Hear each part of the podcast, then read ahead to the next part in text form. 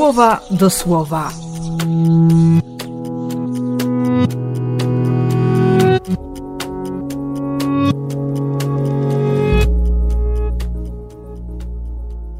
Siódmy czerwca, środa.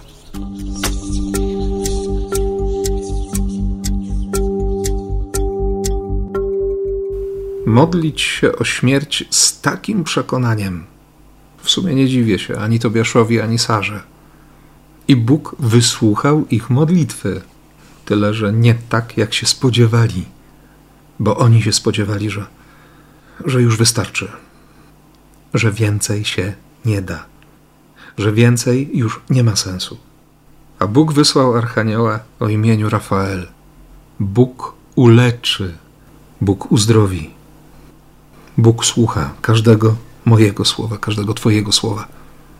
Każda nasza modlitwa przed Bogiem jest wysłuchana. Tylko Boże odpowiedzi nie zawsze zgadzają się z treścią tego, o co prosimy. Bo nas nie szanuje? Nie.